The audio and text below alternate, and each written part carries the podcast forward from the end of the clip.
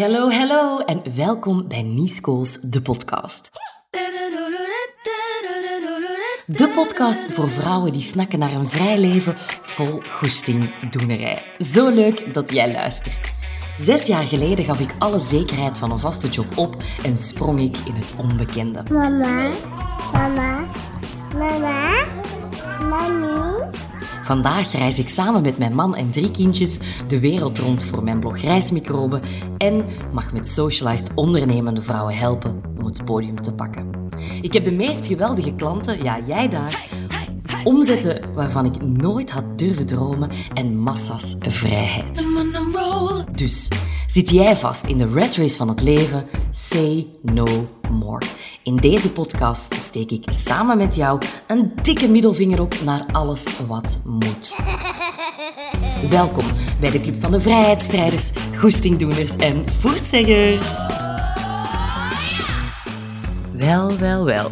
En toen was het eh, 2022. Ik vind het eh, te gek voor woorden eigenlijk. Het is ontzettend snel gegaan. En eh, ja, voor ons wil dit zeggen dat onze avontuur naar Kenia er eindelijk aankomt. Zo lang naar afgeteld, zo lang naar verlangd en nu is het bijna zover. We hebben enkel nog een negatieve COVID-test nodig en dan kunnen we vertrekken. Maar ik ga ervan uit dat dat helemaal goed komt. In 2022 wil ik jou nog meer inspireren om die vrijheid te gaan pakken. Om een echte goestingdoener te worden. Een vrijheidsstrijder en een voortzegger. En in deze aflevering gaan we daarop verder bouwen. Want ik wil jou leren hoe je een liefdevolle fuck it mentaliteit ontwikkelt. Ik wil je inspireren om meer je middelvinger op te steken. En echt, ik wil uiteraard niet dat je met deze aflevering vijanden gaat maken, dat je ruzie gaat maken, dat je relletjes gaat stoken. Dat hoeft natuurlijk allemaal niet. Daarom heb ik de titel ook veranderd. Ik had eerst Zo ontwikkel je een liefdevolle fuck you mentaliteit. Maar misschien is het dat niet helemaal. Is het eerder gewoon een fuck it mentaliteit. Hey,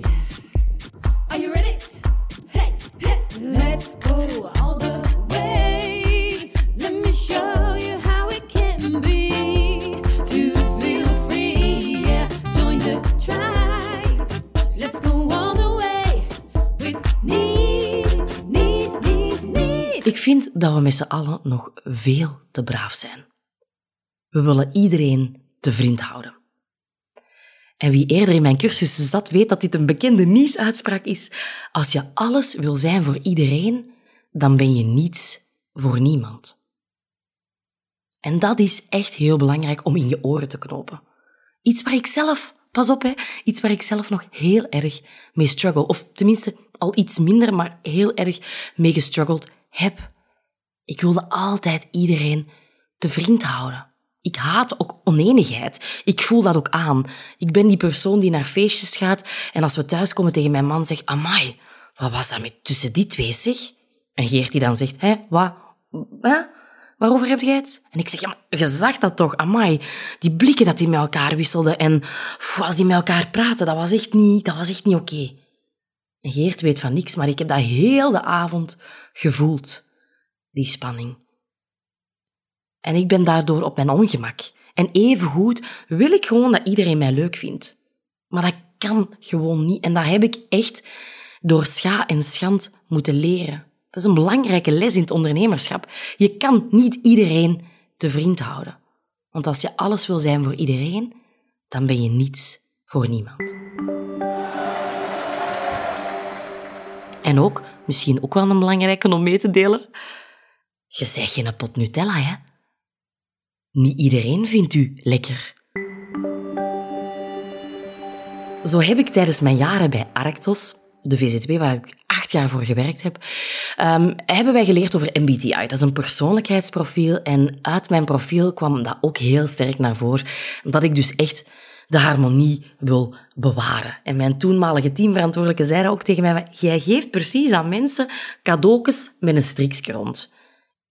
In plaats van te zeggen waarop, waar dat het op staat, gaf ik dat in, een, in cadeautjesvorm. Ik deed er dan ook nog eens een strik rond. Dus om maar aan te tonen dat dat voor mij echt wel een, ja, een beetje een, een issue was. Maar een liefdevolle fuck you mentaliteit creëren ga je dus niet doen door iedereen te vriend te houden.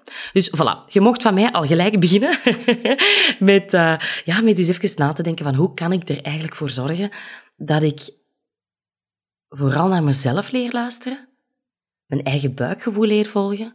Als ik daarvoor bepaalde mensen moet teleurstellen, dan is dat misschien ook maar zo. Toen ik op een gegeven moment koos om alleen nog voor vrouwelijke ondernemers te werken, toen heb ik een aantal mannen moeten teleurstellen. Toen ik er op een gegeven moment voor koos om uit een samenwerking met partners te stappen, zijn daar tranen gevloeid. Maar ik wist dat ik dit voor mezelf moest doen in plaats van te blijven andere mensen pleasen. Dus hoe ontwikkel je die liefdevolle fuck it mentaliteit is als eerste echt wel stop met iedereen te willen pleasen. Stop met iedereen gelukkig te willen maken of met iedereen vriendjes te willen zijn. Een liefdevolle fuck it mentaliteit leren creëren is ook echt wel stoppen met alles te overanalyseren, te overdenken.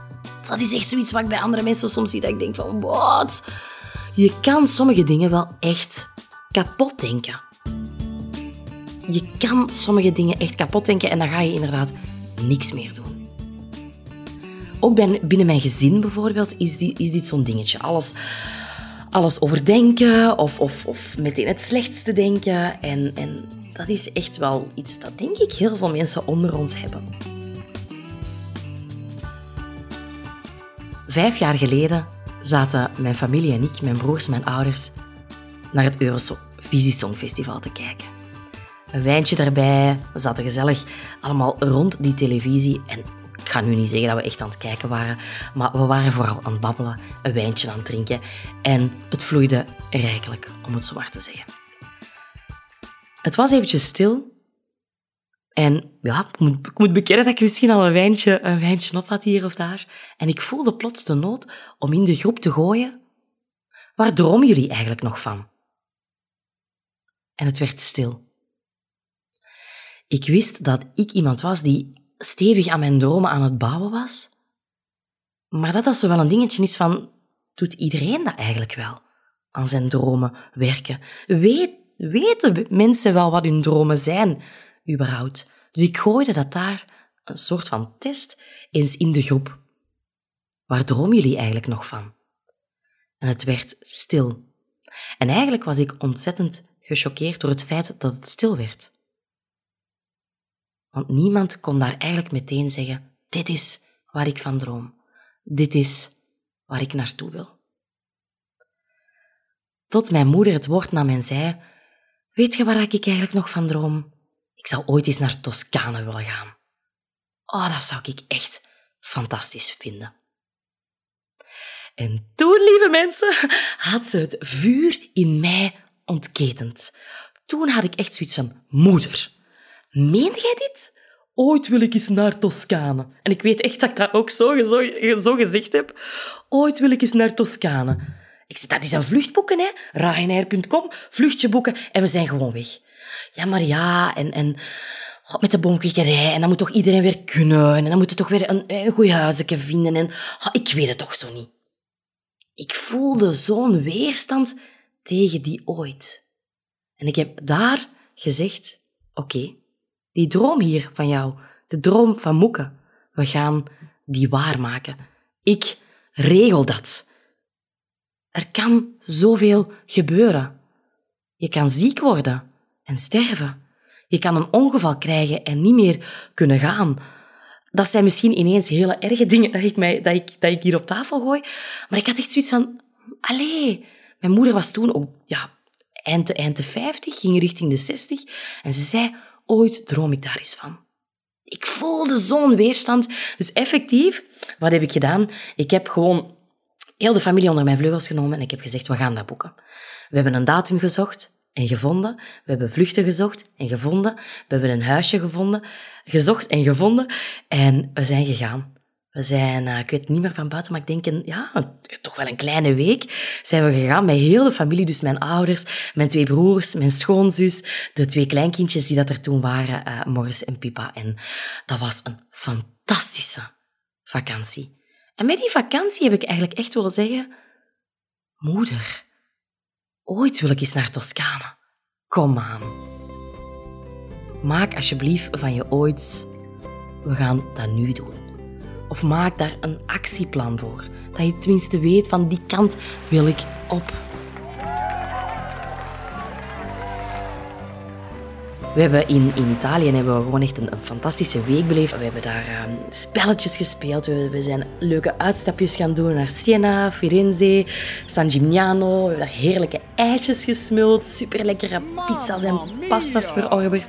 En uiteraard zijn we daar ook wijn gaan proeven op echt zo'n heerlijk, heerlijk wijndomein. Maar eigenlijk heel klein, zo heel...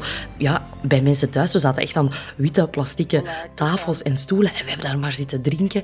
En eh, achteraf komt die vrouw zo heel hoopvol van, ja, moest je iets willen bestellen? En wij waren toen allemaal zo in de wolken of zeg maar in de wind, dat wij daar een massa bestellingen gedaan hebben. Ook omdat we ons gewoon zo goed voelden bij het idee van, we doen dat hier bij zo'n klein wijnboertje. En die mevrouw wist echt niet wat daar overkwam. Die heeft dat drie keer moeten lezen van, is dit juist? Gaan jullie effectief zoveel flessen bestellen? En ja, diezelfde avond is ook eh, ons zolatje verwekt. Oepsie, too much information. Vandaag zijn we vier jaar later en bij mij is er een nieuwe vraag gerezen. Want we hebben de droom van Moeke gedaan, maar wat is nu de droom van Fokke, van mijn vader dan? Ik heb er even aan moeten sleuren en moeten peuteren, want hij kwam zo niet meteen met iets. Hij is ook zo de persoon die altijd zegt van, kijk hier eens rond, Nies. Wat heb ik nu nodig? Voor wat zou ik nu op vakantie moeten? Of hier hè, van mijn domein af moeten. Ja, dat is ook niet raar dat hij dat zegt. Mijn vader is boomkweker. eh, dus als je bij ons zou komen rondkijken op zijn domein, ja, dat voelt inderdaad ook als ja, vakantie, natuur. Er zijn bomen, er zijn water, er eh, loopt eh, occasioneel een, verdwaal- een verdwaalde hert rond. Dus hij zit daar uiteraard heel goed. Maar dat is natuurlijk ook zijn comfortzone. En eh, soms wordt het een beetje spannend als je dan toch daar uitstapt. Dus na veel peuteren is het mij gelukt en heeft hij gezegd dat hij naar Normandië of Schotland wil. Dus voilà, dat is mijn volgende droom om eh, te, gaan, eh, te, gaan, te gaan waarmaken. Maar dus, het is heel belangrijk om te stoppen met alles overdenken. Dat is echt zoiets, ja. Dat is zo die analysis paralysis. Ken je dat? Analysis paralysis, dat is als je gewoon verstijft eigenlijk omdat je alles overanalyseert. Ja, maar wat als dit? Ja, maar wat als dat? Dus mijn advies is, als je echt fuck it wil zeggen, als je een echte fuck it mentaliteit wil gaan creëren, dan ga je moeten stoppen met alles overdenken. Zet dat knopje van bovenaf, of probeer het toch tenminste een klein beetje te muten. Dat stemmetje zal er misschien altijd wel blijven zijn. Bij mij is dat soms ook, hè. maar ik doe het wel. Ik spring wel. Ik regel het. Ik maak er werk van. Dus voilà, dit is jouw shot onder uw gat.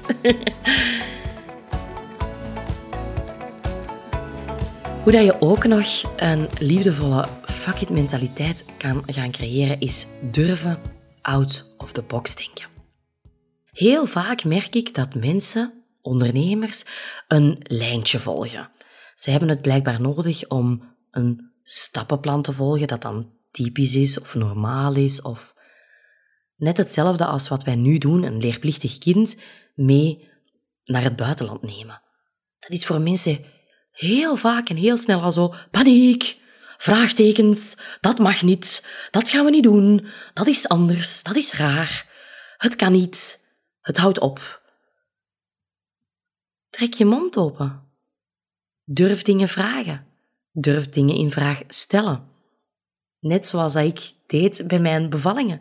Ik was net nog te gast in de podcast Herboren van Samen voor Respectvolle Geboorte. En daar vertelde ik over het feit dat ik ja, mij niet goed voelde bij hoe mijn bevalling er zou uitzien als ik niet van ziekenhuis en gynaecoloog veranderde.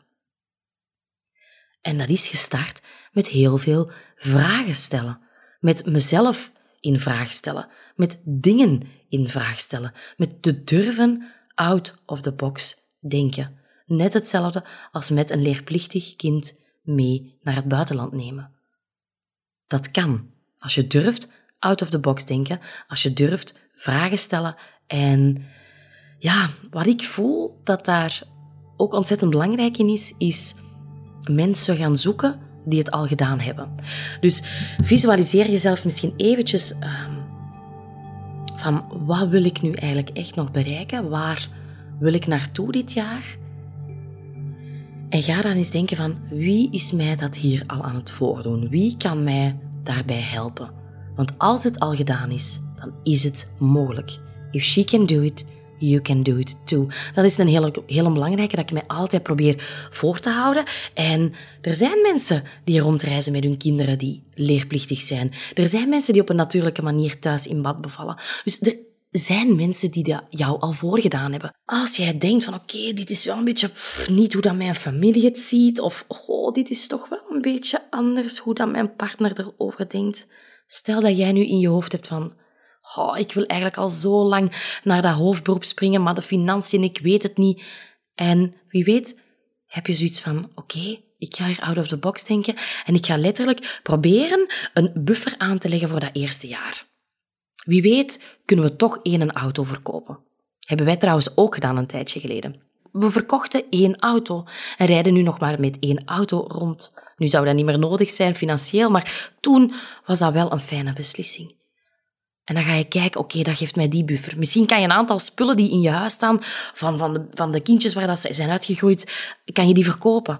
Probeer op een manier een buffer aan te leggen, zodat je dan al weet van, oké, ik kan nu die stap wagen, want ik heb een buffer. En dan kan je inderdaad gewoon perfect tegen je partner zeggen, oké, ik weet dat jij dit eng vindt en dat we misschien een, tijdje op, ja, op wat minder loon gaan vallen, maar kijk, dit is mijn plan, dit ga ik doen.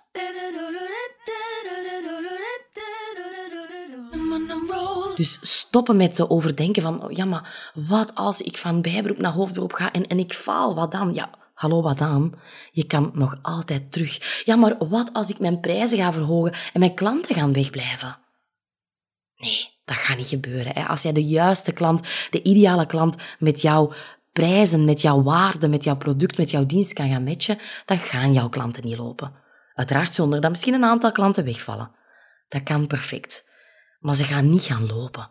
De ideale klant gaat bij jou blijven. Dus dat zijn maar een aantal voorbeeldjes die ik wil meegeven over ja, dat durven out of the box denken is heel belangrijk. Als jij voelt van wat ik hier aan het doen ben, dat is wat out of the ordinary.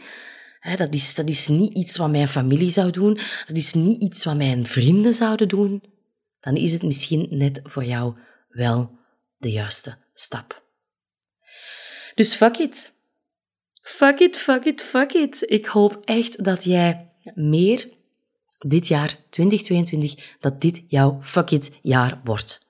Stop met iedereen te willen pleasen. Het gaat toch niet. Je kan niet iedereen tevreden houden. Dat is onmogelijk.